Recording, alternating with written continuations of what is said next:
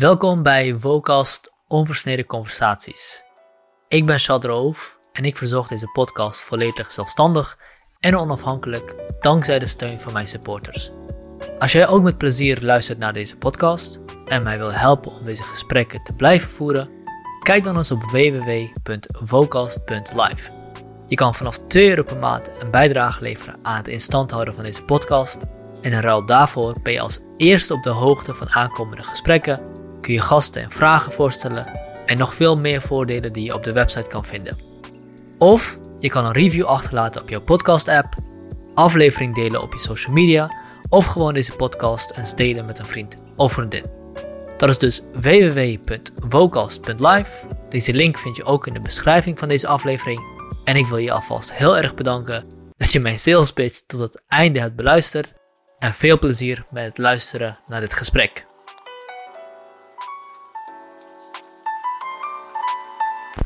Welkom Hans bij Vocast. Ja, Dankjewel dat je tijd wilde maken voor het gesprek. graag gedaan. Um, voordat ik jou ga vragen om jou even kort voor te stellen en te vertellen wie je bent, eh, wil ik even vertellen waarom ik jou uitgenodigd heb en waarom we hier zijn. Eh, ik zat namelijk een tijd geleden naar de berichten te kijken over India en de enorme ehm, hittegolf die daar plaatsvond. En ik besefte me steeds meer en meer, en dat is ook iets wat we denk ik met z'n allen de afgelopen jaren steeds meer zijn gaan beseffen, dat de problemen van klimaatverandering en verlies van biodiversiteit niet, niet alleen maar een probleem, een ethisch probleem is, van hey, we moeten de natuur redden, want we zijn het aan het verpesten, maar ook een, vooral een existentieel probleem is. Dus we hebben die biodiversiteit nodig om zelf überhaupt onze maatschappij in leven te houden. En het besef dat we de natuur, dat de natuur buiten onze gebouwde infrastructuren zit, wordt steeds minder, eh, minder sterk. En één specifiek iets wat ik daarover las was dat zodra de insecten gaan, eh, gaan, eh, gaan uitsterven of neervallen vanwege de hitte, dan gaan, gaat onze landbouw ook kapot of kunnen we ook niks meer produceren. Dus eh, dat is eigenlijk waar ik benieuwd naar ben. Van waarom is dat het geval? Is dat het geval? En, en hoe moeten we daar tegenaan kijken? En natuurlijk gaan we daar veel meer voor nodig hebben om dat te kunnen begrijpen dan alleen maar die specifieke vraag. Mhm, mhm. Dus dat is waarom ik hier ben. Dus laat ik eh, het woord aan jou geven en je vragen om je voor te stellen. Ja, eh, leuk. Ehm, al is het onderwerp niet zo leuk. ik ben Hans, de, Hans de Kroon. Ik ben hoogleraar hier aan de Radboud Universiteit. Eh, mijn specialisme is plantenecologie. Dus ik werk al eh, mijn hele leven sinds mijn eh, studie aan de ecologie van planten. En dat betekent deels experimenten. Veel kijken we onder de grond, maar ook boven de grond. We kijken naar populaties, we kijken naar wilde plantensoorten in gemeenschappen. In wilde gemeenschappen of semi-wilde gemeenschappen. Eh, en de laatste tien jaar ben ik ook meer en meer bezig met ehm, de ehm, populaties en de vitaliteit van vogelsoorten en ook van insecten.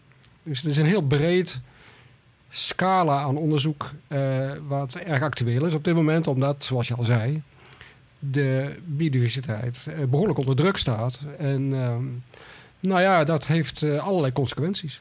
En eh, waarom ben je vogels en insecten gaan onderzoeken? Ik ben eh, dat gaan doen omdat eh, op de eerste plaats ik altijd al naar plantenpopulaties heb gekeken. Ook vanuit statistisch en modelmatig perspectief. Kortom, je wil kijken naar trends in plantenpopulaties. Hoe schommelen ze? Hoe veranderen ze door de tijd heen? En ehm, eh, de methodieken waarmee je dat doet, ja, dat, dat zijn hele algemene methodieken. Die kun je, die kun je op, op, op, op regenwormen toepassen en op vogels en op insecten, zolang je de gegevens maar hebt. Nou wil het feit dat we hier in Nijmegen samenwerken met soortenorganisaties. eh, die zijn hier op campus. Eh, en met name de eh, organisatie Sovon, eh, die de vogeldata heeft, die, die heeft echt ontzettend goede gegevens. En daar zijn we dus een jaar of tien geleden ook echt mee gaan rekenen. eh, Mhm. samen met hun, de specialisten. Om te zien wat ons dat vertelde. En wat vertelde je dat? Nou ja, dat vertelde het dat bij veel vogelsoorten eh, de, de zaken niet al te best gaan. Er zijn een aantal vogelsoorten die eh, echt in opkomst zijn. En het interessante is dat sommige, eh, in sommige gebieden gaat het goed en in andere gaat het slecht. Hm. En daar willen we veel meer eh, van begrijpen. En, en een van de dingen die we toen ontdekt hebben, eigenlijk volledig onverwacht, is dat dat onder andere samenhangt met de hoeveelheid eh, ja, landbouwgif wat aanwezig is. Dus de vogelpopulaties, eh, de trends daarin hangt af van hoeveel landbouwgif gebruikt wordt. Ja. Precies, dat hebben we ontdekt een eh, kleine jaar, tien jaar geleden. En, hoe zit die interactie in elkaar? Nou ja, we hebben eh, gekeken naar eh imidacloprid. Dat is een ingewikkelde naam. Eh, het is een van de neonicotinoïdes. Het is ook een ingewikkelde naam. Het is een nieuwe klasse van insecticiden die sinds een jaar of, nou pak een beetje 25, eh, gebruikt wordt. En het staat in Nederland bekend als het bijengif. Want er is heel veel gegevens nu dat ook bijen, wilde bijen, maar ook de honingbijen, dat die daar duidelijk eh, last van hebben. Dat is misschien ook niet zo gek, want het is een heel algemeen gif waar eigenlijk alle insecten last van hebben. En, en eh, waarom zijn jullie dat gaan onderzoeken? Waarom zijn jullie gaan kijken naar de populaties van wormen en vogels? Nou, we zijn dus naar de populatie van vogels gaan kijken, want dat was ons plan. Eh, alleen waar we toen achter zijn gekomen, is dat er ook heel goed gegevens zijn over de verspreiding van gifstoffen in Nederland. De bestrijdingsmiddelenatlas is daarvoor. Eh, en met name eh, deze neonicotinoïdes hadden natuurlijk al een eh, niet zo'n beste reputatie. En iedereen Mhm. vermoedde van nou, dat heeft ook echt wel verdere effecten Hm. op het hele systeem. Alleen dat had eigenlijk nog niemand kunnen aantonen. En we hadden dus hele goede vogelgegevens over de vitaliteit van populaties van insectenetende vogels. En we hadden goede bestrijdingsmiddelengegevens. En die hebben we over elkaar heen gelegd. En toen kwam eigenlijk toch wel een beetje tot onze verrassing daar een duidelijk verband uit. Een duidelijke associatie uit. In gebieden waar veel van dit insectengif wordt gebruikt, zijn ook gebieden waar het met dit soort insectenetende vogels slecht gaat. Ja, dus Omgekeerd geldt ook. Gebieden waar veel minder belasting is, zie je dat die populaties dit in het algemeen beter doen. en eh, hoe weet je of dat niet een correlatie is? Nou ja, daar hebben we de Of uiteindelijk... tenminste alleen maar een Het is correlatie? een correlatie, maar of dat niet ergens anders mee eh, te maken heeft. Nou, daar hebben we uiteindelijk de meeste tijd aan besteed. Ehm, er zijn goede gegevens. Eh, Centraal Bureau van de Statistiek houdt allerlei gegevens bij over eh, landgebruik. Die hebben we ook zo goed mogelijk gebruikt. Om te zien of we deze relatie niet op een of andere manier konden verklaren door een derde factor. Of we hem niet van tafel konden halen. Hm. Nou, eh, er zijn een aantal eh, relaties die daar verband houden, maar die kregen we niet weg. Eh, die, die, die gifrelatie die bleef. En ja, toen we het eigenlijk niet op een andere manier konden verklaren, dachten we, nou, dit is het moment om het naar buiten te brengen. Welke andere relaties zijn jullie gaan onderzoeken? Je moet maar- dan denken aan ehm, eh, zaken die te maken hebben met bijvoorbeeld hoeveel kassen er in een bepaald gebied zijn. Want eh, die leggen een, een, een, bepaalde nadruk op dat gebied. Eh, eh, het stikstofgebruik. ehm, eh, hoeveel braakliggend terrein er is. Hoeveel natuurgebied er is. Allemaal dat soort relaties spelen een rol. En die zijn we, hebben we voor een deel dus ook wel opgepikt. Maar bovenop daarvan, hè, dat, dat is dus de statistiek die we gebruiken, kon je dus laten zien dat er eh daarbovenop bleef een relatie bestaan met deze, met deze gifstof. Ehm, dus we denken dat die toch wel een effect heeft. Ja. We denken niet dat de vogels zelf vergiftigd worden, ehm, maar we denken dat ze te weinig voedsel hebben. Dat was onze hypothese op dat moment. Oké, en hoe komt het dat ze te weinig voedsel hebben? Omdat die gif natuurlijk hun voedselbronnen kapot maakt. Precies. Kun je daar iets, een voorbeeld van geven? Nou ja, eh, de reden om hiernaar te gaan kijken was een eh, was werk eh, wat toen de tijd uit Utrecht gepubliceerd werd. Wat, wat, wat liet zien dat op het moment dat er meer van dit imidacloprid, dit, dit, dit insecticide in het water zit, dat dat een behoorlijk nadelig effect heeft voor de waterinsecten. Hm. Ehm, nou, dat, dat, dat, dat ziet er ook wel logisch uit, maar we moeten ons goed realiseren dat een aantal van die waterinsecten, zoals eh, libellen en, en, en eh, muggen, dat die vervolgens weer voedselbron zijn van insecticide etende vogels. Ja. Ehm, dus eh, we dachten dat het op die manier zou werken. Dus omdat eh, die gifstoffen die insecten in het water, die insectenpopulatie verminderen, heeft dat natuurlijk effect op de voedingsbron voor die vogels. En daardoor gaat die vogelpopulatie zelf ook omlaag. Dat was op dat moment, toen we dit in 2014 naar buiten brachten, was dat onze hypothese. En is die hypothese bewezen? Nou, eh, het bewijs is heel erg lastig, maar we hebben er wel verdere eh, bewijsvoering voor kunnen krijgen. Want eh, wat je dan eigenlijk moet weten, wil je dat bewijzen, is eh, hoe staat het eigenlijk met de insectenpopulatie? Met de hoeveelheid insecten. Want, ehm, en dan is het niet voldoende dat je weet eh, hoe het met bepaalde vlinders of libellen is. Mhm. Nee, dan moet je weten hoe het met de hele bulk aan insecten is. Hè. Eh, insectenetende vogels heten, weet je, allerlei vliegen, muggen en dat soort zaken. Nou ja, we dachten op dat moment, weet je, nou, daar is eigenlijk helemaal niks van bekend. Ehm, nou, toen kwamen we in contact met een groep in Duitsland. En die groep in Duitsland zei, nou, ik denk dat jullie hypothese correct is. Want wij zien een hele sterke afname. En wij hebben die gegevens wel. Hm. En toen kwamen we in de volgende fase terecht. Want toen hadden we ineens een heel interessante eh, dataset aan eh, insectenhoeveelheid. Van de totale insectenpopulatie. Totale insectenpopulatie, gegeven de manier waarop zij dat verzameld hebben. Eh, echt totale populatie aan vliegende insecten. En met name juist weet je, de, de, de muggen en de vliegjes en de hommeltjes en de bijtjes. En dan in Duitsland bijvoorbeeld? Dat Of- zijn in een, in een flink aantal, 65 natuurgebieden in Duitsland, is eh, dit eh, verzameld. Maar dat landschap in Duitsland, dat wijkt niet heel veel af van grote delen van Nederland. Ja, oké. Dus dat, zijn, t- hè, dat is toch wel het West-Europese eh, landschap zoals we dat ook hier kennen. Ja. Ehm, nou ja, de- die data die, eh, die zijn we vervolgens eh, echt goed gaan analyseren. Want je moet dan zorgen dat je natuurlijk bijvoorbeeld zoiets als weersinvloeden, dat je daar rekening mee houdt. Mhm. Want eh, dat weet je op het moment als het twee weken regent en je gaat probeert insecten te vangen, nou, dan, dan zul je er weinig vangen. Dat is heel simpel. Ja. Eh, dus eh, eh, het correctie voor weersinvloeden, dat was een heel voor de hand liggende, maar dat was wel even flink wat werk om dat op een goede manier erin te krijgen. Oké. Eh, verder zijn er heel veel seizoensinvloeden. Eh, midden in het seizoen heb je de meeste insecten. Deze tijd, augustus, midden in de zomer. Eh, voor- en na seizoen veel minder. Eh, nou hadden de Duitsers, onze Duitse collega's, hadden wel over een heel seizoen gemeten, maar nooit helemaal precies hetzelfde. Mhm. Dus ook daar moet je weer enigszins voor corrigeren om te zorgen dat je gewoon de juiste vergelijkingen maakt. Ja, dus sterke redenen om aan te nemen dat die insectenpopulatie afneemt en dat dat effect heeft op de populatie van vogels.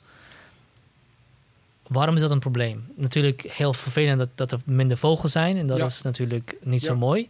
Eh, maar waarom is dat voor ons een probleem? Die, die link zoek ik nog.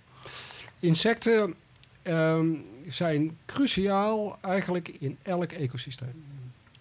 Pak een eh, tik eh, voedselketen in, in je zoeksysteem. En kijk naar een aantal plaatjes van, ehm, eh, van, eh, ja, van een voedselsysteem. En, eh, nou, dan zie je lagen daarin. Hè. Je begint met de planten en dan krijgen we de, de, de planteneters en vervolgens de carnivoren en dan misschien nog eentje erboven. In die eerste, eh, die middellaag, er zitten altijd insecten. Mhm. Altijd. Insecten zijn een hebben een cruciale rol in dat hele systeem. Dus de vogels-insectenrelatie is er daar één van. Mhm. Ehm, nou, wat zijn die rollen nou? Dat kun je, dat kun je de, eh, die rollen van insecten, zijn er eigenlijk dus drie of vier. Een ervan is dus voedsel. Die hebben we al gehad. Die hebben we net besproken. En tweede is bestuivers. Eh, dat weten we ook. Heel veel insecten eh, bestuiven veel planten. Eh, heel veel wilde planten. Bijen, dat, dat weten de meeste, meeste van ons wel. Maar wat, welke, Bijen, vlinders, zweefvliegen, motjes. eh, die bestuiven ook planten. Die bestuiven planten en die bestuiven ook onze gewassen. Driekwart van onze gewassen zijn afhankelijk. De, de, de vruchtzetting is afhankelijk van bestuivers. Ja. Eh, dus dat is niet triviaal. En heel veel van die bestuivers zijn wilde bestuivers. Eh, honingbijen werken heel hard, maar kunnen vaak niet eh, de volledige bestuiving geven zoals wilde bijen dat bijvoorbeeld doen. Dus dat is de tweede eh, reden. Nou, de derde reden is, ehm, bestuivers, sorry, insecten ehm, hebben altijd een, een larvaal stadium. Hè? Dat, zijn, dat zijn wormpjes, dat zijn kleinere beestjes.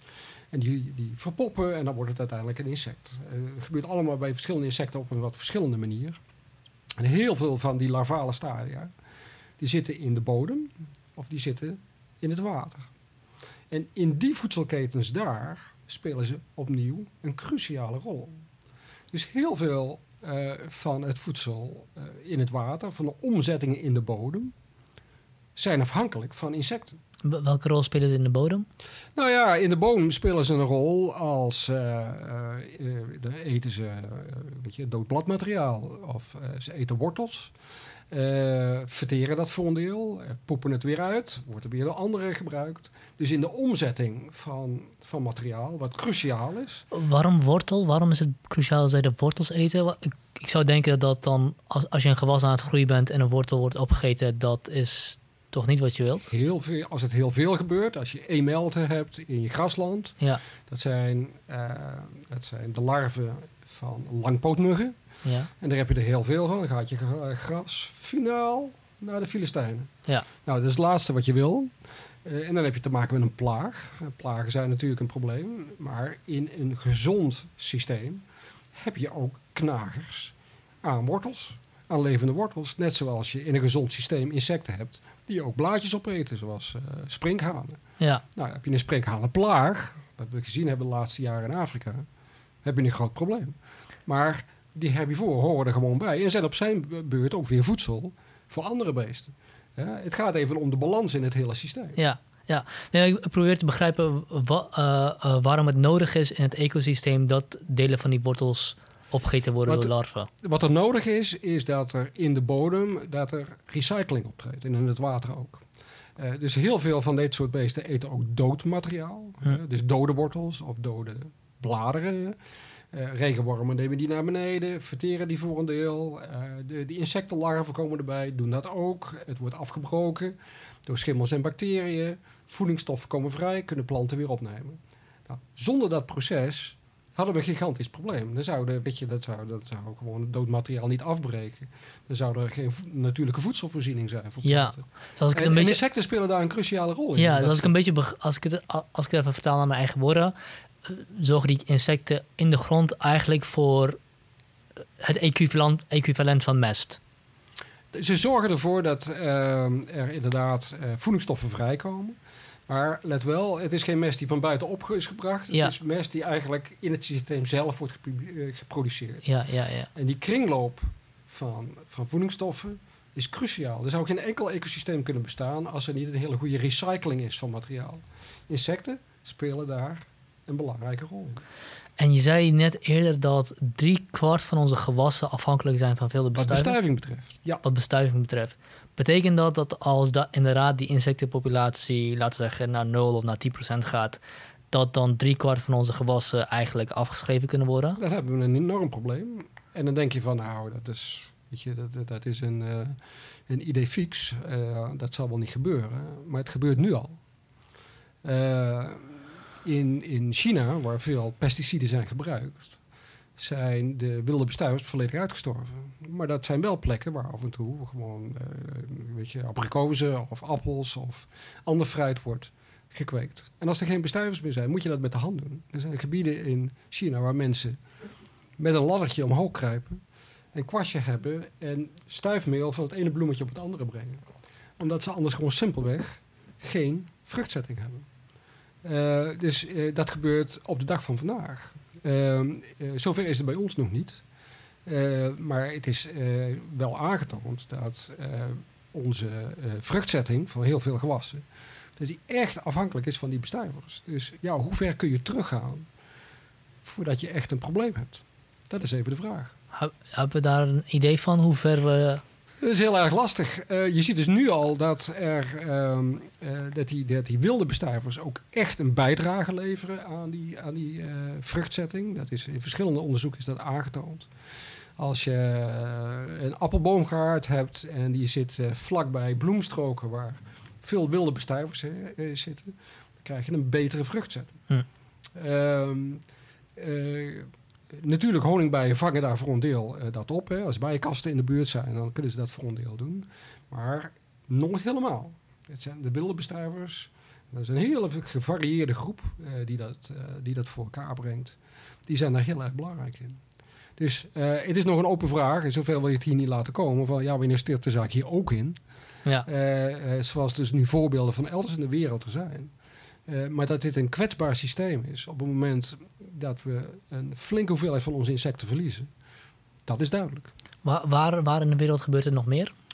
Ik denk, ik ken het enige voorbeeld dat ik ken van verschillende gebieden in China. Ehm, ik ken geen voorbeelden van elders. Dan zou me niets verbazen dat die ook wel degelijk bestaan. En dan is de oplossing eigenlijk, of de manier waarop je daarmee om kan gaan als dat gebeurt, is simpelweg met een kwastje dat werk van die, van die wilde bestuivers gaan overnemen. En dat is heel veel werk. En dat doe je nooit zo goed Nee, als de wilde bestuivers zelf. nee, nee, inderdaad. Maar als jij een industrie hebt zoals in China, die daarvan afhankelijk is, en je hebt de menskracht, is dat de enige manier waarop je het kan doen. Ja. En hoe lang hebben we deze kennis al van deze ecologische verbanden? Nou, die is er eigenlijk al best wel lang. Maar ik denk wat iedereen dacht, eh, en, en eh, ja, goed, dat zijn ook de geluiden die we natuurlijk wel gehoord hebben, van ja, weet je, als er nou iets de grootste ramp in de wereld overleeft, dan zijn het wel de insecten en de bacteriën, weet je wel. Eh, die, die, die, die, nou die kunnen overal tegen. Nou, bacteriën is een apart verhaal, maar de insecten dus niet. Ja, En dat was natuurlijk wel de schok. Wij hebben dus met de Duitse data destijds kunnen laten zien dat met al die correcties die we net hebben gezegd, eh, dus de correctie van het weer en dat soort zaken, eh, dat we dus driekwart van onze vliegende insecten zijn kwijtgeraakt over een periode van minder dan 30 jaar. drie kwart. Drie kwart is heel veel. En als je dat in aantallen noemt, hoe, over wat voor aantallen hebben we dan? Of is dat oh, dat, dat, dat is ja, aantallen op wat. Ik bedoel, maar weet je, iedereen die, die, eh, die in, die- in die tijd leefde, die herinnert zich nog, weet je, hoe, ja, weet je, eh, je horror in je raam moest hebben, want er werden wolken met muggen die kwamen binnen. Ja. Eh, voerruiten die vol, vol geplakt zaten met insecten als je naar Zuid-Frankrijk reed. Ja, ik moet ook zeggen, sinds misschien 2015, 2010, dat ik denk ook denk dat elk jaar eigenlijk verwacht Ja. eh, volg, leg, Ja. le- lekker geprikt te worden door muggen. Ja. Maar dat steeds minder is. Vlieg ook. Het is echt minder geworden. Ik slaap nu bij het raam open. Eh, Er zit geen wat voor. Nou, ik zit nu wel in de stad, maar het is wel een heel groen stuk waar ik woon. Eh, toen ik vroeger op de boerderij eh, woonde, als kind, hadden we hor in het raam. En, en, en onderin het hor zat een gat waar dan het, het schuifstangetje in zat. En dat moest je volstoppen. Dat moest je dichtstoppen met een zakdoek. En als je dat niet deed, werd je s'nachts gelijk geprikt, weet je wel. En Ja. één keer dan zat dat zakdoekje niet goed. En dan werd je, s ochtends werd je wakker met allemaal bult op je lijf. Dan denk je, oh verrek, weet je, het is weer zover. Nou, Ja. Dat is toch een situatie die we eigenlijk niet meer kunnen voorstellen. Nee, nee. Of de, of de auto, auto rijdt vol met eh Ja. dode beesten Ja. en dergelijke. Ik bedoel, het is natuurlijk wel prettig, maar eh, het, is natuurlijk niet een houd, het is natuurlijk niet houdbaar. Dat is niet houdbaar. En toen wij eh, deze resultaten naar buiten brachten, toen kreeg dat heel veel aandacht. En wat we vrijwel niet gehoord hebben, is, ach, het is eigenlijk wel lekker. Eh, vrijwel iedereen was nou, we zijn misschien niet de grootste fan van de meeste insecten. Maar als ze verdwijnen, hebben we, is er toch wel echt wat aan de hand. Dan hebben we toch wel een probleem. Ja. En eh, dat probleem hebben we net besproken. Dus eigenlijk gewoon de groei van onze gewassen lopen gewoon in gevaar. Hoe kan het zijn dat, dat, die, dat die stoffen nog gebruikt worden? Ja, dat is, het, dat is een goede vraag. Eh, we hebben natuurlijk een systeem, eh landbouwsysteem, waarbij risico's ingedekt moeten worden. En we zijn ja, sinds al, al vele tientallen jaren natuurlijk dat aan het doen met behulp van eh, ja, chemische bestrijdingsmiddelen. Gewasbeschermingsmiddelen worden ze genoemd. Ja. Eh, daar zijn ze voor bedoeld. Maar dat, ja, dat is, Maar jij noemde net landbouwgif. nou ja, het is hetzelfde materiaal en het ligt eraan waar je er naar kijkt. Het beschermt het gewas, dat is de Mhm. bedoeling. En er zijn allerlei eh, geweldig technologisch heel interessante trucs voor uitgehaald. Wa- Waar, beschermt het tegen? Tegen plaaginsecten. Oké, ja, tegen die plagen waar ik net over had. Ja, ja. tegen plaaginsecten. Eh, als die, als, eh, we werken natuurlijk veel in monoculturen. Als daar een, een insect binnenkomt, en insecten kunnen zich natuurlijk in een noodtempo gaan uitbreiden. Hebben een hele korte levenscyclus, zoals we zeggen. Ze kunnen heel veel generaties snel achter elkaar maken. Mhm. Nou ja, dan heb je binnen de kortste keren een probleem van je welste. En wat bedoel je met een monocultuur? Monocultuur is dat er vaak maar één gewas op een groot perceel wordt gekweekt. En dat betekent dat als je een beest hebt wat daar goed op gespecialiseerd is, nou ja, die vindt een, eh, een, een gedekte tafel van hier tot eh, weet ik hoe ver. Dus die kan, die kan uitgebreid zijn gang gaan. Hm. Ehm, en, eh, nou ja, en, dan, en dan als je heel effectieve chemische middelen hebt, die neonicotinoïden die ik net noemde, het zijn voor insecten uiterst giftige stoffen, zeer, zeer giftig. Eh, die in lage concentraties gebruikt kunnen worden. Ehm, maar goed, die ook lekken naar de omgeving. En dus ook de natuurlijke populaties beïnvloeden. Zoveel weten we wel. Eh, hoe lekken ze naar de omgeving? Doordat ze, eh, dit zijn hele typische, eh, we noemen dat systemische gewasbeschermingsmiddelen. Dat wil zeggen dat bijvoorbeeld als je mais zaait, maiskorreltjes, die worden gedoopt in deze gifstof. Dus er zit, er zit een coating omheen eh, waar deze gifstof in zit. Nou, het idee is dat maiszaadje dat gaat kiemen, dat gaat uitgroeien. En die stof die dringt in de plant. En in principe in elk stuk van die plant, de wortel, eh, de bladeren, de stengel en ook, ook de vruchten, zit deze gifstof. Er komt een plaaginsect en die wordt dus ogenblikkelijk bij de eerste keer dat hij de plant aanboort, wordt beïnvloed door die betreffende gifstof en, en, en, en kan zich niet verder ontwikkelen. Briljant systeem. Eén klein dingetje is over het hoofd gezien.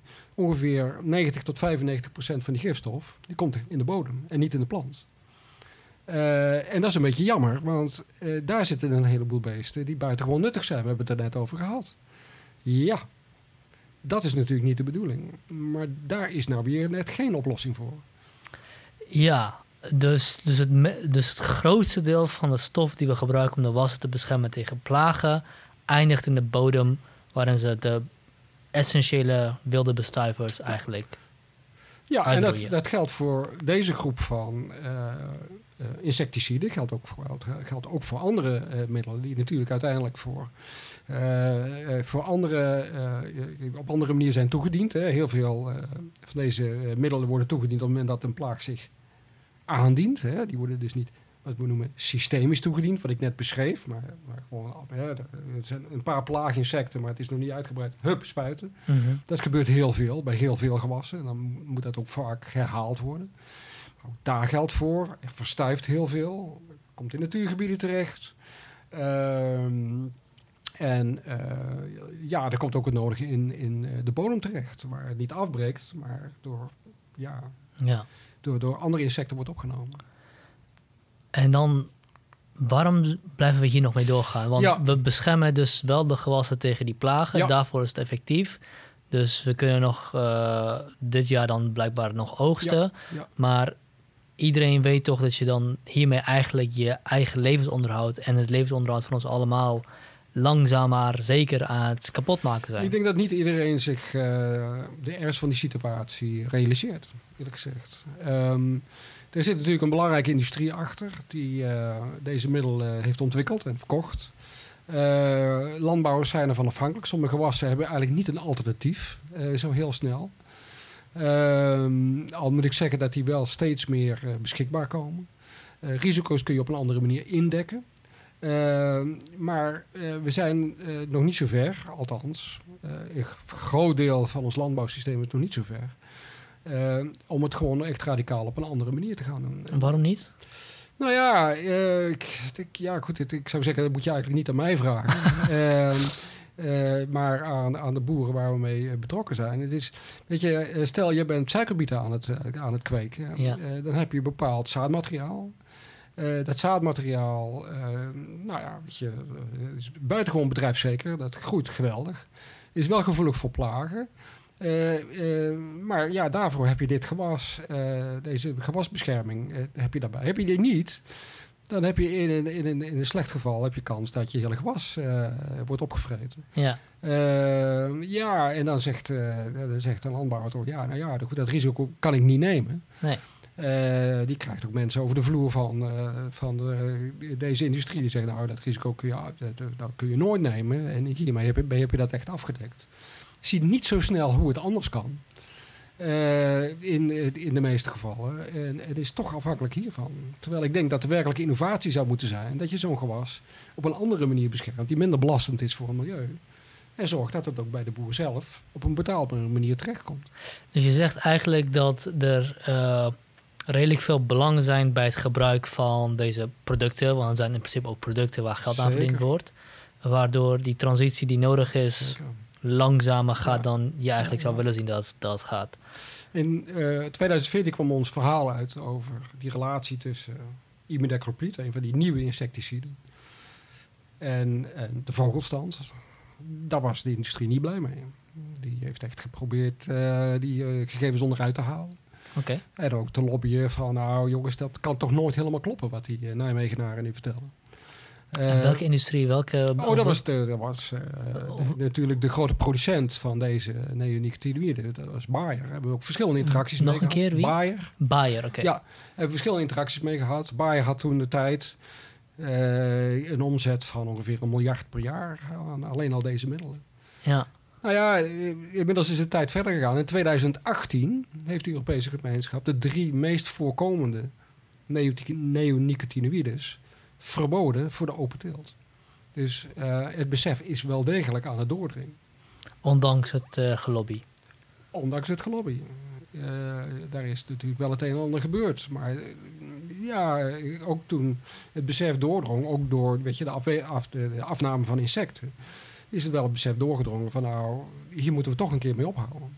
Dus jongens, ja, verzin maar een andere manier, maar hier, die gaan we niet mee verder. Ja, en uh, zie je bij, ik weet niet of je contact hebt, je, je, je zei net, je moet eigenlijk aan de boeren vragen, maar zie je, bij, zie je in de landbouwsector zelf welwillendheid of, of het proberen om dat op een andere manier te gaan doen? Of wordt daar ook vastgehouden aan, aan de oude werkwijze?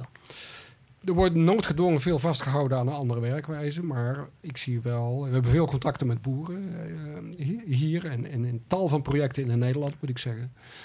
De meeste boeren zijn wel nieuwsgierig. Die zijn wel aan het kijken van kan dit niet anders? Uh, denken wel na van ja, maar wacht even, weet je, welke risico's loop ik? Uh, uh, wat is mijn verdienmodel? Wat, wat, wat, weet je, wat zijn de kosten en de baten uiteindelijk?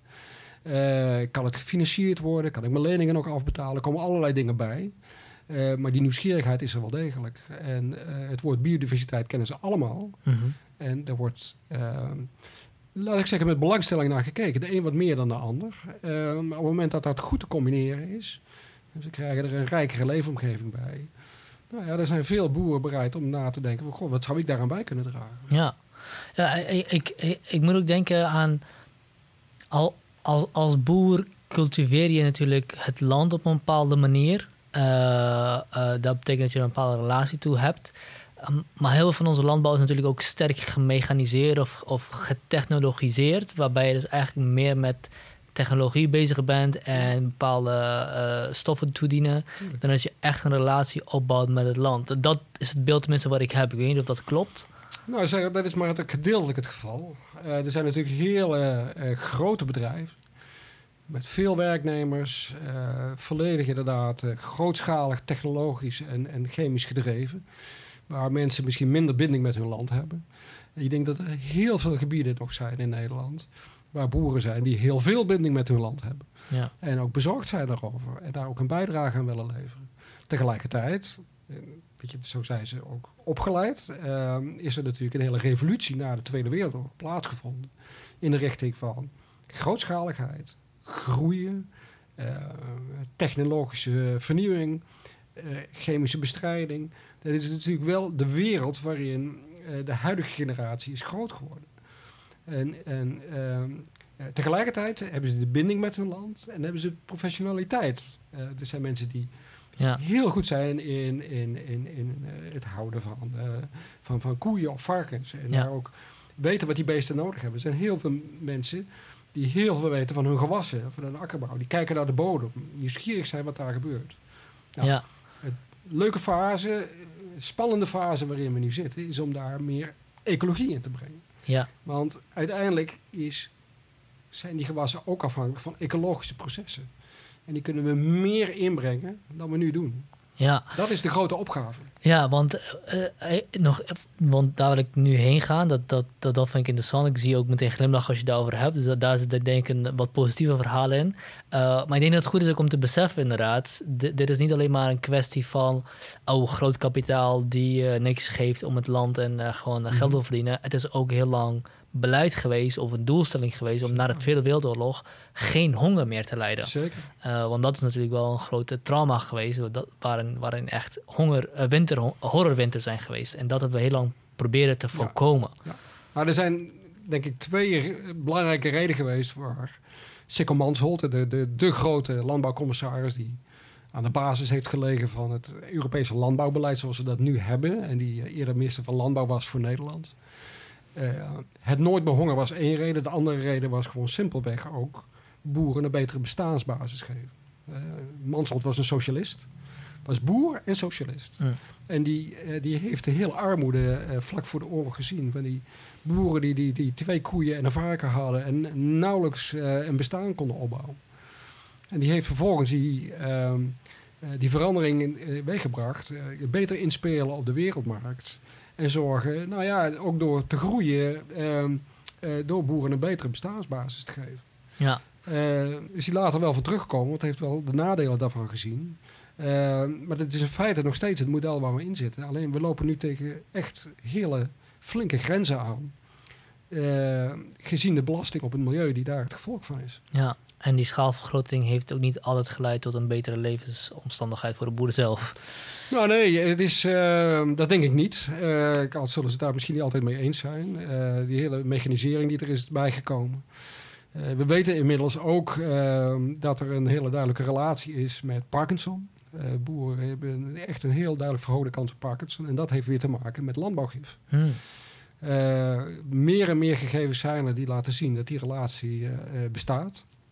Eh, we praten op het ogenblik veel over stikstof eh, en de effect op de natuur. Nou, daar kunnen we het over hebben. Dat is eh, evident dat dat Mhm. eh, met, met de enorme stikstofbelasting die we hebben, dat het, het een heel, heel groot probleem is. Het is dus ook terecht dat er nu wordt gekeken van hoe kunnen we daaruit komen. Maar vergeet niet dat stikstof, en zeker ammoniak, een hele belangrijke factor is bij de vorming van fijnstof. En fijnstof leidt tot gewoon duizenden doden per jaar. Ik bedoel, het- weet je, dit, dit- dit is gewoon echt een groot gezondheidsrisico. Kun je dat iets uitleggen? Eh, stikstof en ammoniak leiden tot fijnstof. Ammoniak eh, leidt tot allerlei reacties in de lucht. Ja. Eh, ammoniak in de lucht komt als gevolg van dierlijke mest of drijfmest. Of vanuit varkensstallen bijvoorbeeld. En dat leidt tot allerlei reacties in de lucht. En dat kan leiden tot hele fijne fijnstofdeeltjes. Mhm. Nou, die fijne fijnstofdeeltjes op hun beurt, die ademen we in en die leidt tot allerlei gezondheidsproblemen. Eh, waardoor mensen, die, zeker mensen die, natuurlijk die kwetsbaar zijn, die bijvoorbeeld al astma hebben, eh, tot echt serieuze gezondheidsrisico's leidt. En dat wordt nog wel eens vergeten. Dat, ja, want je zegt duizenden doden per jaar namelijk. er zijn echt mensen die daaraan werken. Dat, kan, dat leidt tot een aantal duizenden doden per jaar. En ehm, daar, eh, we vergeten gewoon dat, dat we eigenlijk onszelf een beetje aan het vergiftigen zijn op deze Ja. manier. Eh, heel veel van deze meststoffen komen in het oppervlaktewater. Eh, dat eh, nitraat en ammonia leidt tot een vergiftiging van het grondwater. Het zijpelt door, het wordt voor een deel uitgefilterd, maar niet helemaal. Het komt voor een deel in het grondwater. Grondwaterbedrijven hebben toenemend problemen om, om goed drinkwater te maken. En geleidelijk aan zie je natuurlijk al deze zaken bij elkaar komen. Ik wou dat het anders was, maar ik denk dat we daar toch niet omheen kunnen. Nee, nee, ja. Ik, ik denk dat we allemaal zouden willen dat het anders Ja, was. Maar eh, komt het ook al in ons drinkwater? voor een deel nitraatbelasting eh, van ons drinkwater is bekend. Eh, ook hier in Nijmegen is dat, is dat behoorlijk groot. En dat leidt Eh, op zich ook wel weer tot... En het zit allemaal netjes onder de normen, maar weet je, naarmate die, die, eh, Ja, kijk, dit, die bemesting toeneemt. ja, dit is je- natuurlijk een, ook een heel eh, leuke, eh, leuk, leuk iets van de taal. Want je zegt namelijk, het zit onder de normen. Maar ik denk dat niemand die dat hoort eh, eh, gerustgesteld is. Het Nee. zit onder de normen. Nee, nou ja, dat is denk ik het, eh, het, het probleem dat we ook zien bijvoorbeeld bij die pesticiden, dat soms hele lage concentraties die onder de normen zitten. En normen worden vaak bepaald in het laboratorium met watervlooien. Je gooit de pesticiden bij, je kijkt hoeveel watervlooien doodgaan. Aha, dat bepaalt de norm. Dan ga je ver onder die norm zitten. En er zijn natuurlijk tal van studies geweest dat insecten eh, echt nadelig beïnvloed worden door ook hele lage concentraties. Eh, die raken de weg kwijt, die, die, die kunnen de weg naar, terug naar eh, het nest niet meer vinden, eh, hun paringsgedrag verandert. Ja. En dat kan op termijn natuurlijk enorme consequenties hebben. Dus met normen moet je altijd een beetje oppassen. Die zijn er niet voor niks. En, die mogen we best serieus nemen. Maar ze zijn niet heilig in die zin. Ja. Ecologie werkt anders dan, nou, weet je, boven deze streep heb je een probleem en onder die streep heb je geen probleem. Zo werkt de ecologie bijna nooit. Nee, nee, nee. Het zorgt voor ander soort problemen. Niet per se voor geen probleem als je onder de norm zit. Ja, en daar, daar zijn inmiddels ook wel, eh, eh, wel, wel eh, aanwijzingen voor. En, en zo geldt dat ook voor, weet je, als dat, dat nitraat neemt toe en dat zit onder de norm, oké, dat is prima. Maar iedereen heeft daar inderdaad een beetje een onge- ongemakkelijk gevoel bij. Maar ja, maar weet je, als die, dat is ook bekend. Inmiddels worden, worden bijvoorbeeld allerlei gifstoffen worden in het bloed en on- in onze hersenen gevonden. Microplastics worden in het bloed en in onze hersenen gevonden. Ja, Ik- Nou ja, eh, probeer maar eens aan te tonen ik, dat ze werkelijk schadelijk zijn. Maar een, een prettig gevoel hebben we er niet bij. ja, ik wilde dat, dat, dat moest ik ook aan denken. aan Microplastics inderdaad. Want microplastics, gifstoffen in ons eten, eh, vlees eh, eh, zit vol met allerlei hormonen. Ehm, is er nog iets wat we kunnen eten wat niet eh, giftig is? Wat in ieder geval, waar we ons in ieder geval niet hoeven gerust te stellen dat het allemaal onder de normen is.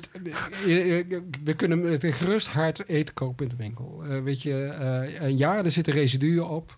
Eh, die zijn zeker heel laag. Eh, maar iedereen kan met een gerust hart eh, kopen. En dat heeft, eh, weet je, dat hoor je vanuit de landbouw ook. Er worden, worden hoogkwaliteit producten geleverd. Op een buitengewoon bijzondere, efficiënte manier. Ehm, eh, en dat is een prestatie op zichzelf, wat, wat hier gebeurd is. Eh, en echt chapeau daarvoor. Alleen, weet je, dit is maar een deel van het verhaal. Een ander deel is, weet je, ja, eh, al deze dingen dringen wel door. Eh, de hele wereld zit vol eh, met, met gifstoffen en microplastics eh, en hormonen. Eh, en eh, wanneer gaat dat nou echt een probleem eh, geven? Mm. En dan heb ik het nog niet over de, laat ik zeggen, de grote problemen, zoals bijvoorbeeld die stikstof en fosfaatvervuiling eh, die we hebben en, en de wateronttrekking. Ja, En dat zijn, eh, ja, dat zijn zeg maar de macro-problemen die we eh, daarbij hebben. En hoe efficiënt het ook gebeurt en de prestatie die wordt geleverd, het heeft zijn prijs. En die prijs begint nu zo hoog te worden dat we echt dat systeem moeten gaan veranderen. Er zit weinig anders op. ja.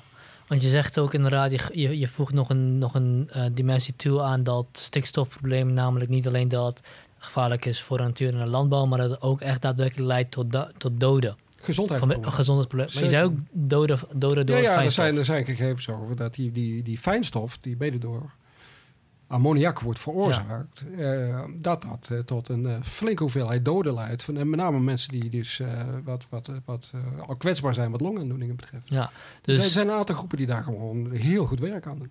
dus, dus, dus het, eh, het verminderen van, of het minder intensief maken van onze landbouw, dat is een ononderhandelbaar Wat we willen, interventie die we moeten, moeten uitvoeren. wat we willen is dat we eh, goed en gezond eh, voedsel produceren. Waarbij eh, de boeren een best- goede bestaansbasis kunnen opbouwen. In een leefbare wereld. We niet onszelf de nek omdraaien. Dat we, weet je, dat we dit kunnen blijven doen, ook in deze hele drukke delta. Ja. En dat staat op het spel. En ik denk dat die leefbare wereld voor onze kinderen en kleinkinderen, ja, daar zijn we op aan het investeren op dit moment. Ja.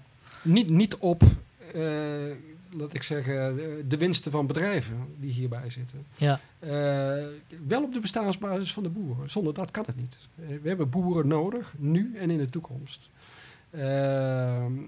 Maar het zijn natuurlijk andere bedrijven die de grote winsten maken. En, en dat is eigenlijk een vraag over het hele voedselsysteem. oké. En dat is niet eenvoudig op te lossen. Maar als we nu niet aan de bak gaan, ja, dan gebeurt het nooit. Dus dit is, dit is de tijd om het te doen. Dit is het uit te doen. Hoe, hoe lang hebben we, denk je? Nou ja, dat is lastig te zeggen, maar eh, er komt natuurlijk van alles bij elkaar. Ja. Eh, we leven nu in de zoveelste hele droge zomer. waardoor de landproductie onder, onder op stapel staat. Dus we, we, we hebben de hele wateronttrekking, daar moeten we over na gaan denken. We hebben een, een stikstofprobleem van je welste, die gezondheidsproblemen.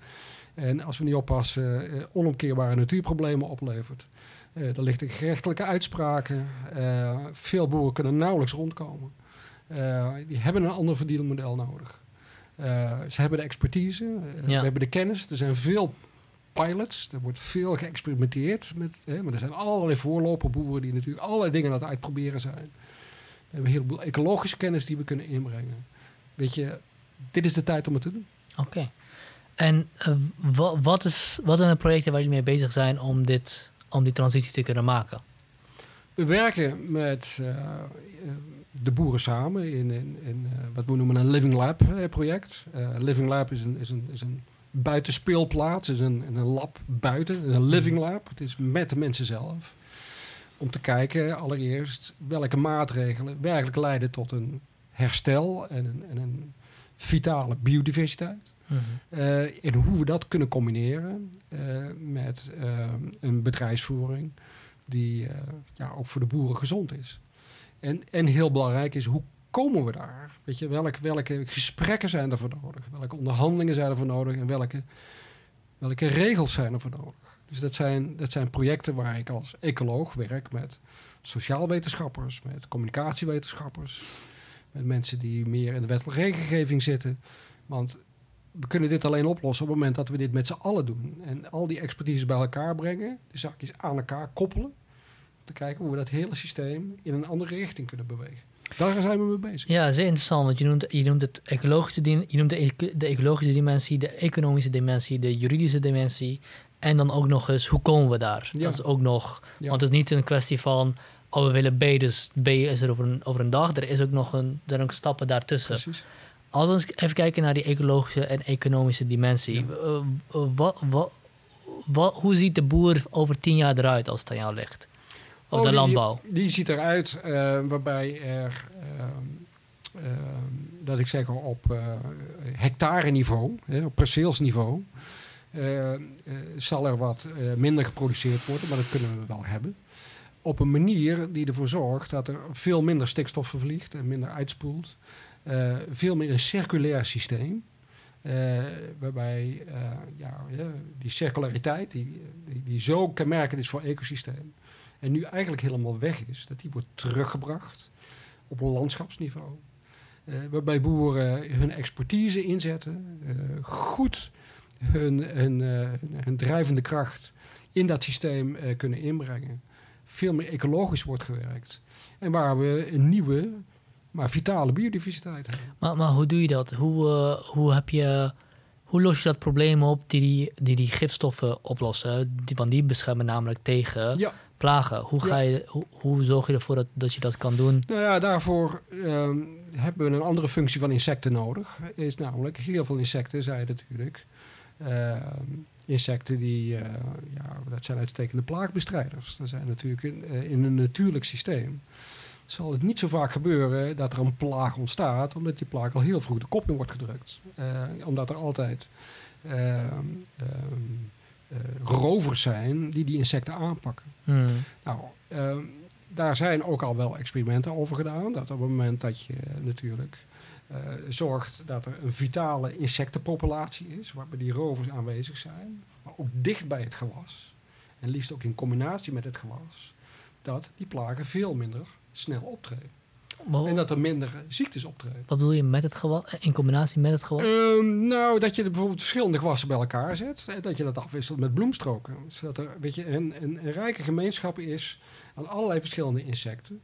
Die op het moment dat daar een plaaginsect zich ontwikkelt, dat er ogenblikkelijk een, een, een, een predator, een, een roofinsect bovenop springt. En zorgt dat die plaag niet tot ontwikkeling komt.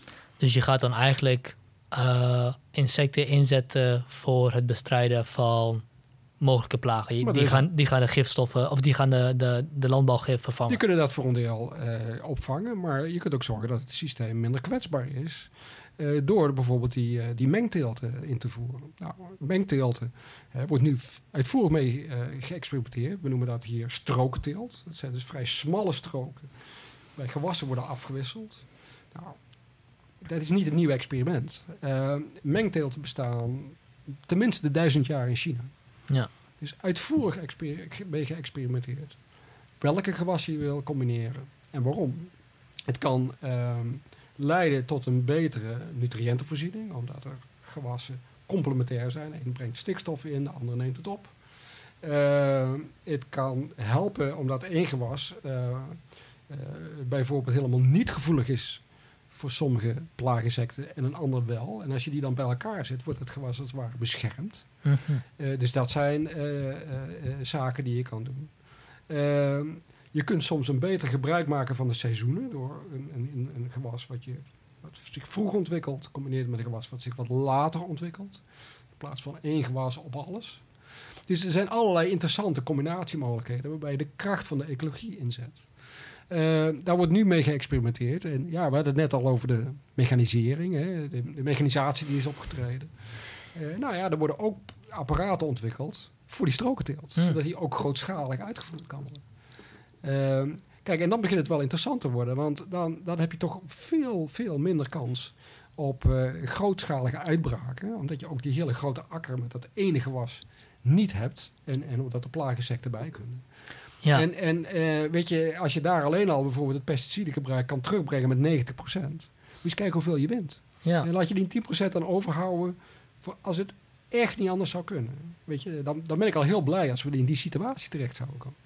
Dus dat soort experimenten gebeuren volop op dit moment. Ja, dus, dus eigenlijk ga je, ga, je, ga je de natuurlijke bestrijdingsmogelijkheden die de ecologie biedt, Ja. ga je eigenlijk combineren op zo'n manier dat je de, je gewassen beschermt. Dat is ook zo. En daar moet nog wel het nodige werk aan gebeuren. Dus een beetje, werkt het echt op die manier? En is het een robuust systeem? Uh, en die experimenten vinden dus ook, uh, ook plaats. Hè. We, kunnen, we zijn denk ik nog niet zo dat we dat echt grootschalig kunnen uitrollen. Maar we kunnen er wel allerlei experimenten mee doen. Wat de graslanden betreft is het interessant. Want we zijn gewend dat koeien, weet je die, die mooie grazige groene uh, Ja. weiden doen. Uh, die flink bemest worden. Er gaat er drijfmest in. Nou, er zijn dan een paar soorten die daar, uh, weet je wel, echt onder floreren. Die, die maken van die enorme groene uh, pruiken die, die heel eiwitrijk zijn. Uh, nou, dat is allemaal uh, hartstikke mooi. Uh, als je dat wil gaan inmaken, voor, dus gaan inkuilen voor het voeren in de winter, dan kun je misschien wel zes of zeven keer maaien en dan haal je er een flink gewas af. Mm -hmm. En dan denk je wel hartstikke goed, hoogproductief, maar ook heel kwetsbaar, gevoelig. waarom gaan we niet, en die experimenten zijn in volle gang, werken met meer kruidenrijke graslanden? Nou, kruidenrijke graslanden zijn graslanden waar heel veel kruiden in staan, veel bloemen, uh, trekt ook meer insecten aan. Er staan ook klavers of laatjurissen in, dat zijn vlinderbloemigen. Vlinderbloemigen zijn interessant, omdat die vlinderbloemigen kool, uh, stikstof vastleggen in de bodem. Die hebben een symbiose met wortelknolletjes en brengen dus stikstof in. Dan heb je minder bemesting nodig. Nou, die experimenten die nu gebeuren, die laten zien dat die productie nou, misschien wel bijna net zo hoog kan zijn. Maar op een heel andere manier bereikt kan worden. Uh, de voedingswaarde voor die koeien, nou, die is, die is misschien wel beter. Want dat, dat andere voedsel is zeer eentonig. Mm. Er wordt dan ook krachtvoer bij uh, gegeven.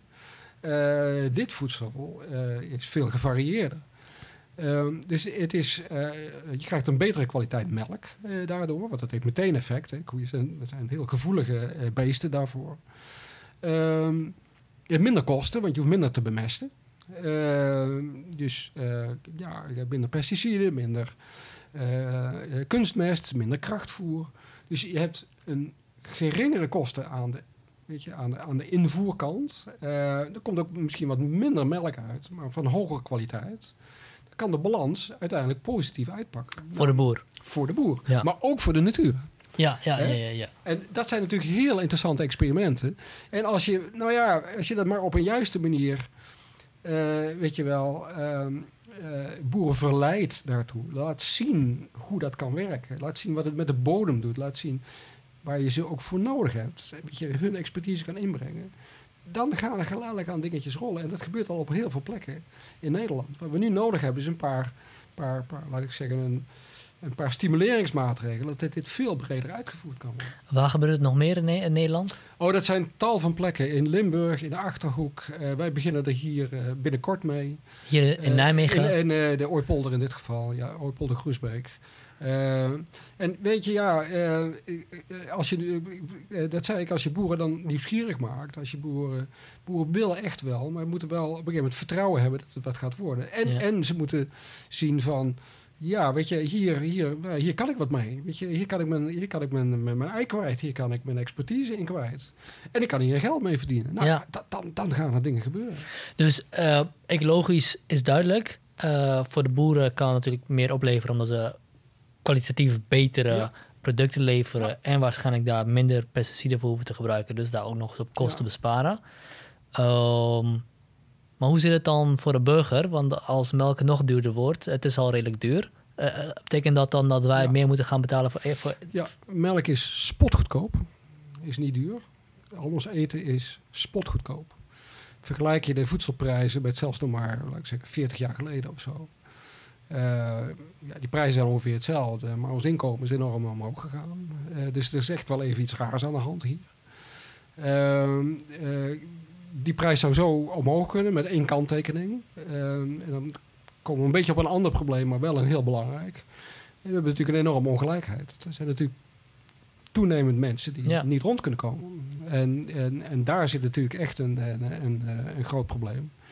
En de kunst zal zijn om die maatregelen zo te kiezen eh, dat deze mensen wel kunnen rondkomen. Eh, toch die boeren een eerlijke prijs verdient. Eh, en dat ze eh, het gezonde voedsel kunnen kopen. Ah, Eh, hoe? nou Dat ja, eh, dat kan bijvoorbeeld door op groente en fruit de btw eraf te halen. Dat kan door te zorgen dat vleesvervangers goedkoper zijn. In die situatie zitten we nu al zo'n beetje. Ja.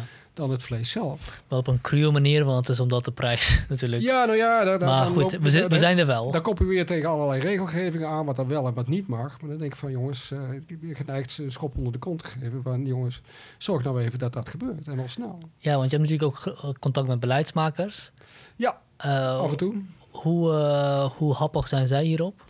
Nou ja, er wordt wel wat met de mond beleden, maar het systeem is behoorlijk hardnekkig. En eh, we hebben een, een systeem met allerlei, allerlei eh, regels die allemaal een keer zijn uitgevonden met, eh, voor goede redenen. Maar eh, ja, dat, dat, dat is niet per se handig als je in een transitiefase zit, Nee. waarin er wat anders moet gebeuren. Want daar zijn die regels dan weer net niet voor bedoeld. En zit jij vooral met, heb je vooral regionale beleidsmakers nodig of juist meer nationale of zelfs Europees?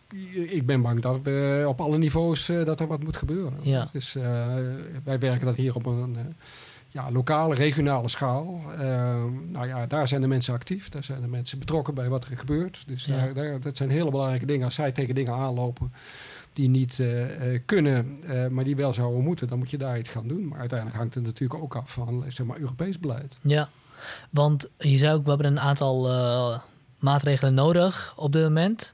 Wat voor maatregelen heb je bijvoorbeeld nodig? Nou ja, een transitie is niet zo makkelijk. Ehm, en, en op het moment dat je confrontatie zoekt, en dat gebeurt vaak in de transitie, want wacht, stop tot hier niet verder eh, met stikstof. Eh, en dus, ehm, eh, ja, de, goed, het eerste wat je krijgt is weerstand. Ja, Eh, dat is ook heel logisch.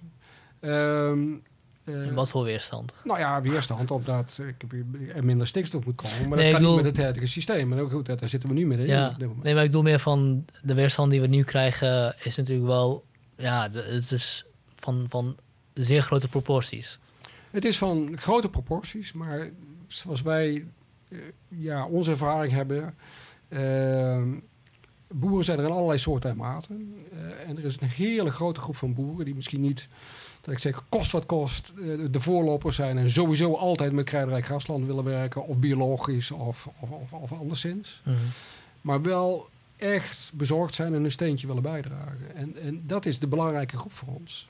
En er is een groep die sowieso nooit iets anders wil. Ja. Eh, die groep heb je ook. Ja. En, eh, dus eh, er is een groep die wel in beweging wil komen. Maar dan, goed, dan, dan moet je wel het perspectief bieden. En je moet gebruik maken van een, ex, van een, van een expertise. Je, Ja. die, moet je, die moet je heel krachtig inzetten. En ze gewoon ook echt heel erg, heel erg goed luisteren en serieus nemen. Ja, Eh, en dan kan er best wel veel. ja, Eh, maar dan moeten ze wel een handje geholpen worden. ja, Eh, gegeven die risico's waar we het eerder over hadden. De risico's moeten ingedekt zijn. ja. Even dan terugkomen naar die maatregelen die nodig zijn. Dus een transi- transitie, dat, dat is per definitie lastig om te maken. Je krijgt weerstand. Maar wat, wat, wat hebben we op dit moment nodig van beleidsmakers? Of hebben jullie nodig van beleidsmakers? Om, en hebben boeren nodig van beleidsmakers Mhm. om die transitie te vergemakkelijken, te versnellen, beter te maken? Het is echt het. eh, ehm, eh, ik zou zeggen het. Het afdekken van, van risico's. En, en een perspectief waar ze echt van op aan kunnen van nou, de komende twintig jaar kan ik op deze manier verder. Er zijn een heleboel maatregelen die we kunnen nemen waarvan we niet precies weten hoeveel het oplevert, maar die in elk geval ons in een, in een betere situatie brengen. Neem nou dat kruidenrijke grasland. Nou, ehm, weet je, dat brengt ons in elk geval in een betere situatie terecht. Eh, wat levert het precies op voor biodiversiteit? Moeten we even afwachten. Daar hebben we nog wel wat onderzoek voor nodig. Eh, kunnen we ook parallel daaraan lopen? Zijn we ook mee bezig? Eh, maar het gaat ons in elk geval in een betere situatie brengen. Als boeren nou een perspectief krijgen van, joh, dat kan ik nou echt gaan doen. En die bedrijfszekerheid die is gegarandeerd.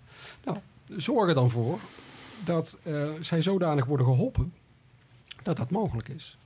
Eh, op de langere termijn. Eh, en niet, niet eh, denken van nou, over vijf jaar bekijken we wel verder. Daar zijn ze wel, zolang ze brand, wel helemaal klaar mee. En dat kun je je ook wel voorstellen. Ja. Dat betekent wel dat er anders geïnvesteerd moet worden. Dat banken, de, de, de, de grote financiers van boeren, op een andere manier er tegenaan moeten kijken. Ehm, uiteindelijk zullen ze wat minder melk gaan produceren. En dat past helemaal niet in dat plaatje. Want het hele plaatje is altijd groei en nog een keer groei. Eh, als je groeit, ga je meer geld verdienen. Ga je meer geld verdienen, kun je je lening terugbetalen. Ja. Dus wacht even, dit moet dus echt op een andere manier ingezet worden. Dat betekent dat er vanuit de overheid dingen waarschijnlijk afgedekt moeten worden. Nou, weet je, en dat, ik denk dat daar, dat daar echt grote oplossingen voor zijn. En dat er dan een heleboel boeren zeggen, ja, maar weet je, dan, dan kan ik ook echt verder. Ja. Ehm, hier in de Ooipolder, eh, een, pak bij 10, 15 jaar geleden, is wat we noemen de groen-blauwe adering teruggebracht. Er zijn bloemstroken aangelegd, zijn hagen aangelegd, die eigenlijk verdwenen waren. In een contract wat uiteindelijk een looptijd heeft van 30 jaar. Uniek in Nederland. Daarom kijkt heel Nederland ook mee. We willen ook weten hoe dat tot stand is gekomen. En zijn die maatregelen te vertalen naar elders. Eh, maar dan gaan boeren in beweging komen. Met, met wat voor financier was dat contract Er gemaakt? is eh, externe financiering voor ingebracht, ook financiering van het Rijk ingebracht. Eh, om dat mogelijk te maken. En dat is het, daar is dus een fonds voor opgericht. Waar eh, voortdurend dus die boeren uit betaald worden. eh, Ja. Voor nou ja, de grond die ze zijn kwijtgeraakt. Dus het is en blijft landbouwgrond. En het beheer wat ze daaraan toe zijn gedaan. Er, er is een landschapsveiling geweest. Mensen konden zelf bijdragen. Ja. Dus het is, een, het is best een ingewikkeld proces geweest. Daar is ons systeem niet op ingericht. Maar daar kun je natuurlijk wel naartoe gaan werken. Ja. En eh, cruciaal is, het is 30 jaar. Wat we nu zien, we werken met die boeren. We zijn ook nu onderzoek aan het doen aan de effecten daarvan. Dus hier de boeren natuurlijk wel weten, wat levert het op voor mij? Zitten er bestijvers bij? Zitten er, zitten er rovers bij die mijn plaaginsecten tegenhouden? Maar boeren Ja. zijn ook nieuwsgierig van... Ja, ik heb daar een inspanning gedaan. eh, nou, laat maar eens zien wat erin zit. Nou, leg het maar gewoon op tafel. Eh, en, en, en, en ja, dat is natuurlijk ontzettend leuk. Dat ze zien dat ze ook betrokken zijn bij datgene wat ze werkelijk gedaan hebben. En Dan, dan zijn het de landschapsbeheerders van de toekomst op dat moment. Ja. Denk je dan dat, eh, en dat, eh, denk je dan dat de plannen van de overheid om zich heel erg te focussen op stikstof en dat te verlagen door minder intensieve landbouw te doen of eh, boeren uit te kopen, denk je dat dat dan te eenzijdig is? Het is echt een systeemverandering die we nodig hebben. Waarbij je kunt natuurlijk met technische maatregelen wel wat eh, bereiken. En er is ook heel veel mee bereikt eh, de afgelopen pak mee 20, 30 jaar. We zitten wel aan de grenzen met wat we kunnen. En het is ook niet zo gek dat die grenzen bereikt worden, maar er wordt enorm veel stikstof wordt binnengebracht van buiten. Door kunstmest, door krachtvoer. Ja. Eh, er gaat materiaal uit. Koeien, eieren, melk, eh, vlees. eh, dat, dat, dat stroomt uit. En we blijven dus met een heleboel stikstof zitten. Niet alles wat uitstroomt, is hetgeen wat instroomt. Ja, Dus ja, je kunt, je, kunt, je kunt zoveel technische maatregelen hebben dat je wil. Eh, ik denk dat we dat systeem moeten aanpassen, zodat we veel meer lokale kringlopen hebben. Zodat we veel meer van het voedsel wat die beesten nodig hebben, wat minder. Ehm, eh, dat, we dat, dat we dat lokaal produceren en de mest die ze lokaal produceren weer gebruiken voor onze akkerbouw. En dat vereist wel, het gaat veel verder dan, dan, dan dus alleen maar technische maatregelen. ja, Eh, en dat, dat willen we graag met die boeren gaan opzetten. Want daar hebben we, diezelfde expertise is nog steeds voor nodig. ja. Dus we zitten met, met een transitie-uitdaging. Eh, we moeten eh, meer met de ecologie gaan werken. We moeten landbouw anders gaan inrichten. Want anders hebben we over een bepaalde tijd... zitten we misschien net als China met penselen dingen te bestuiven. En misschien dat China dat kan, maar grote kans dat wij dat misschien niet kunnen. Nee, dat denk ik niet. Ehm, gaan we dat redden? Tuurlijk gaan we dat redden. We moeten dat redden. Er is geen alternatief. Niet dat dat eenvoudig is. Ehm, geen enkele transitie is eenvoudig. Dat levert altijd een hele hoop chaos op. Eh, maar wat is het alternatief? Ehm, eh, we zullen, als we op deze weg doorgaan, nog meer boeren in het problemen brengen. Ehm, we zullen blijvend een deel van onze biodiversiteit kwijtraken. We zullen die vogels niet meer horen. Eh, en de kans dat daar eh, een, een gezond systeem in onze wateren of eh, bij komen, die, wordt, die wordt steeds kleiner met het perspectief wat je net schetste. Nou, dat, zover willen we het niet laten komen. Want dat is toch onverteerbaar dat we daar onze volgende generatie mee opzadelen. Dus er is niet zo heel veel alternatief, eh, eh, ben ik bang. Ehm, dus natuurlijk gaan we dat redden. Ja. Ja, ik, eh, ik hoop het. Eh, er zijn in ieder geval genoeg mensen die, die, er, eh, die er aan het werk zijn, inclusief jij. Zijn er eigenlijk voorbeelden van boeren die al die overgang gemaakt hebben met succes? Zeker, zijn er een heleboel. En die zien we nu ook af en toe in de kranten staan. Omdat, Bijvoorbeeld? Ja, die, eh, nou ja, dat zijn, dat zijn boeren die inderdaad... Ja, soms tegen de verdrukking in. eh, k- kunnen geen lening van de bank krijgen. krijgen we, we zorgen toch voor een andere financiering. eh, eh, toch in staat zijn om eh, ja, bijvoorbeeld eh, bij het kruidrijke grasland en een kleinere veestapel toch een hele goede boterham te verdienen. Maar heb je een voorbeeld van een, van een, van een bepaalde boer of een, of een aantal Een voorbeeld heb ik zo niet direct. Eh, bekend voorbeeld, eh, ja, zou je kunnen zeggen Schiermonnikoog, waar eh, zeven eh, veeboeren eh, de overgang gemaakt hebben. Eigenlijk al voordat eh, de grote stikstofcrisis uitbrak. Nou, dat is helemaal geen makkelijk proces geweest. Eh, belasting van hun op de natuur was eh, toen ook al groot. Eh, eh, financiering was echt een probleem. Eh, verdeling eh, van, eh, van eh, eh, de inspanningen op dat eiland, maar ze hebben het wel voor elkaar gekregen. Dus ehm, eh, er zijn echt wel voorbeelden ehm, eh, waar je kan kijken van, joh, wat, wat, eh, hoe is dat nou eigenlijk gegaan? En weet je, dat is denk ik ook de kracht, daarom zitten we er ook als wetenschappers in. Eh, Oké, welk samenspel van, van, van actoren en processen heb je nou Ja. nodig om te zorgen dat het gaat? En kunnen we dat versnellen, weet je wel? Eh, En, en, en hoe moet je dat met alle partijen doen? Ja, Dat is de grote opgave van die Living Labs waar we voor staan.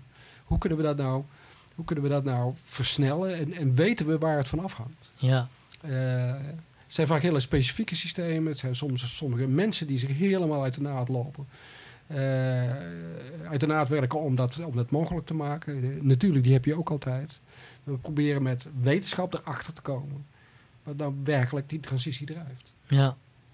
Ik heb het gevoel dat dit ook wel een beetje past in een brede tendens. Waarin we misschien sinds de industriële revolutie heel veel middelen hebben ontwikkeld om effectiever, efficiënter, meer, groter te produceren op allerlei vlakken, niet alleen op, op, op het gebied van landbouw.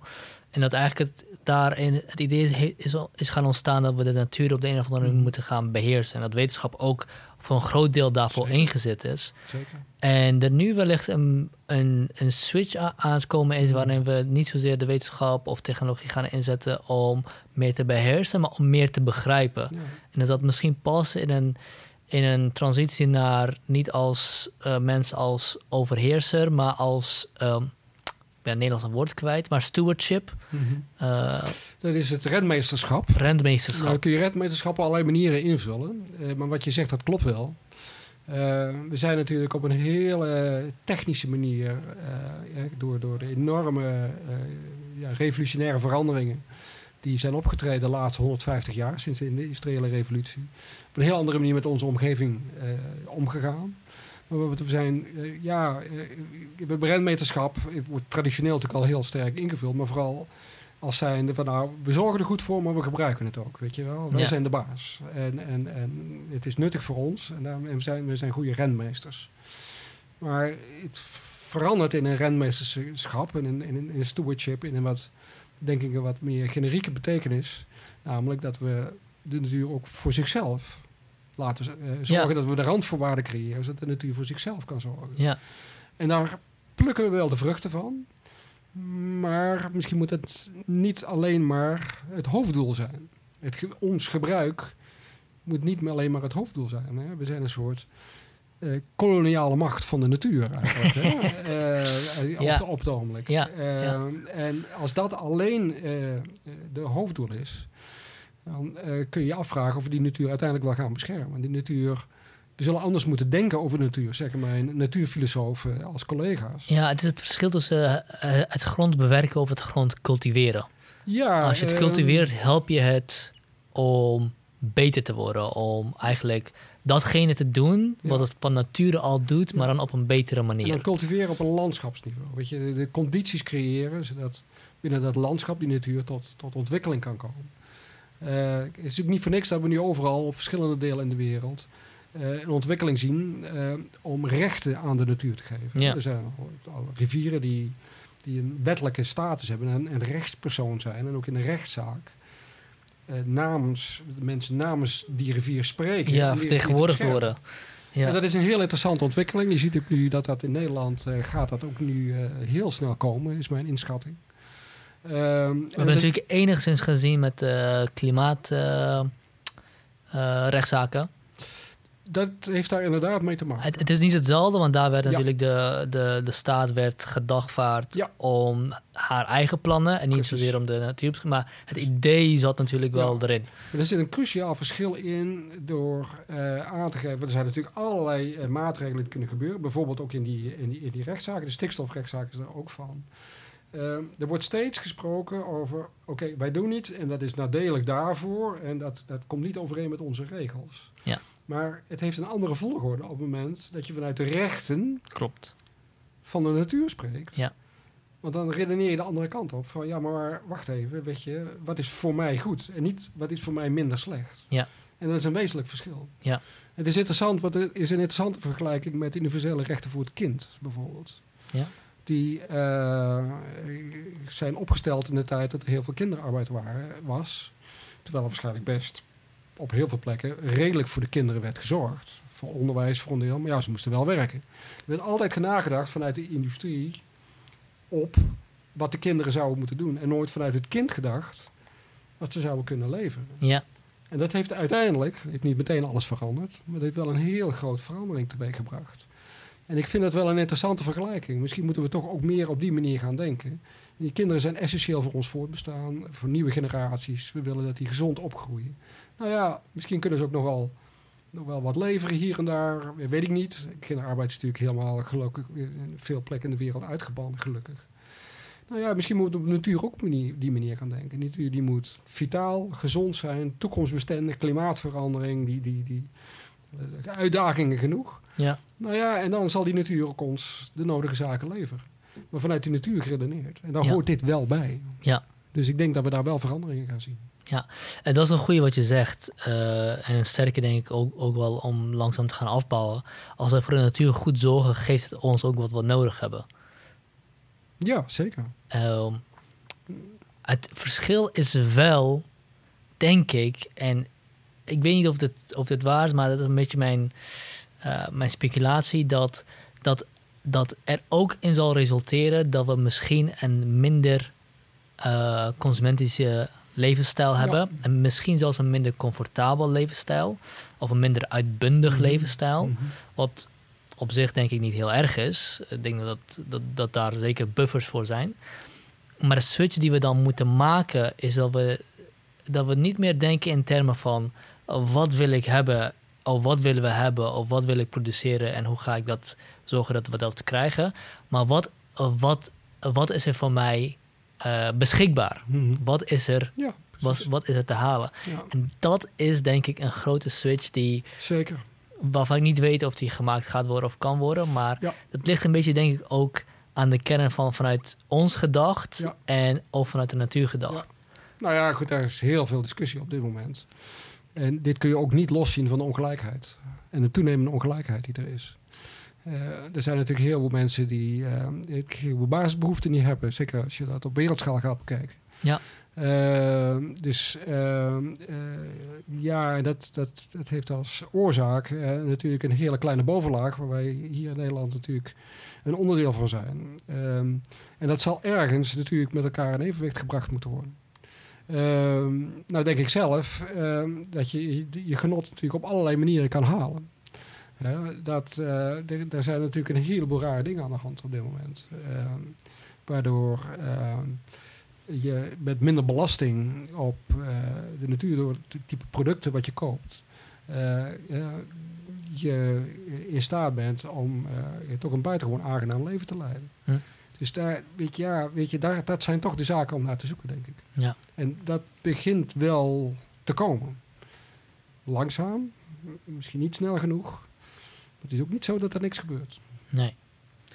Oké, ehm, Zullen we afsluiten of heb je nog Ja, eh, ja. dingen toe te We zijn voegen? hebben veel dingen eh, langsgelopen. Ja. En, eh, ja, om met een beetje hoofdvraag te beginnen. eh, helemaal in het begin. Ehm, er is... De aarde is een uniek systeem. Ik denk dat er geen andere planeet is, misschien wel in het hele zonnestelsel, die, die zo in elkaar zit. Ze zijn er naar op zoek, maar ze hebben hem nog niet gevonden. Maar als je ziet waar je de terugkoppeling en de leefbaarheid van afhankelijk is, dat is die hele, hele dunne laag. Super, super dun. Als je, als je vliegt, waar we niet zoveel meer moeten doen, dan af en toe zie je dat ook. Wat, wat een kwetsbaar, dun geheel. Ik praat met andere Kuipers en die zal je daar meer verhalen over vertellen. Nou, die leefbaarheid hangt helemaal vanaf van terugkoppelingssystemen vanuit de natuur. Als we die biodiversiteit niet meer hebben, weet je dan, eh, en je ziet het nu natuurlijk met de toename van de CO2 eh, al gebeuren, weet je, dan, dan, dan kan het volledig ontsporen. Ehm, nou, dus dat kwetsbare systeem, die leefbaarheid, hier op lokale, regionale schaal, maar ook voor de hele wereld, daar doen we het voor. Ja, die delicate balans waarin wij kunnen gedijen. Precies. En waar natuurlijk ook andere soorten kunnen gedijen. Alleen het verschil is denk ik, de natuur als geheel, die overleeft het wel. De- als de biodiversiteit omlaag gaat, als wij de grond Ja. kapot maken en wij sterven over eh, een paar honderd jaar uit, dan komt er weer ruimte over Ja. een paar miljoen jaar voor iets nieuws. Dus die, dus die aarde leeft. Maar die, die delicate balans waarin wij kunnen overleven, dat is iets waar we echt zorg voor moeten dragen. Ja, zeker. En dat is eh, wat toenemend mensen zich bewust van zijn.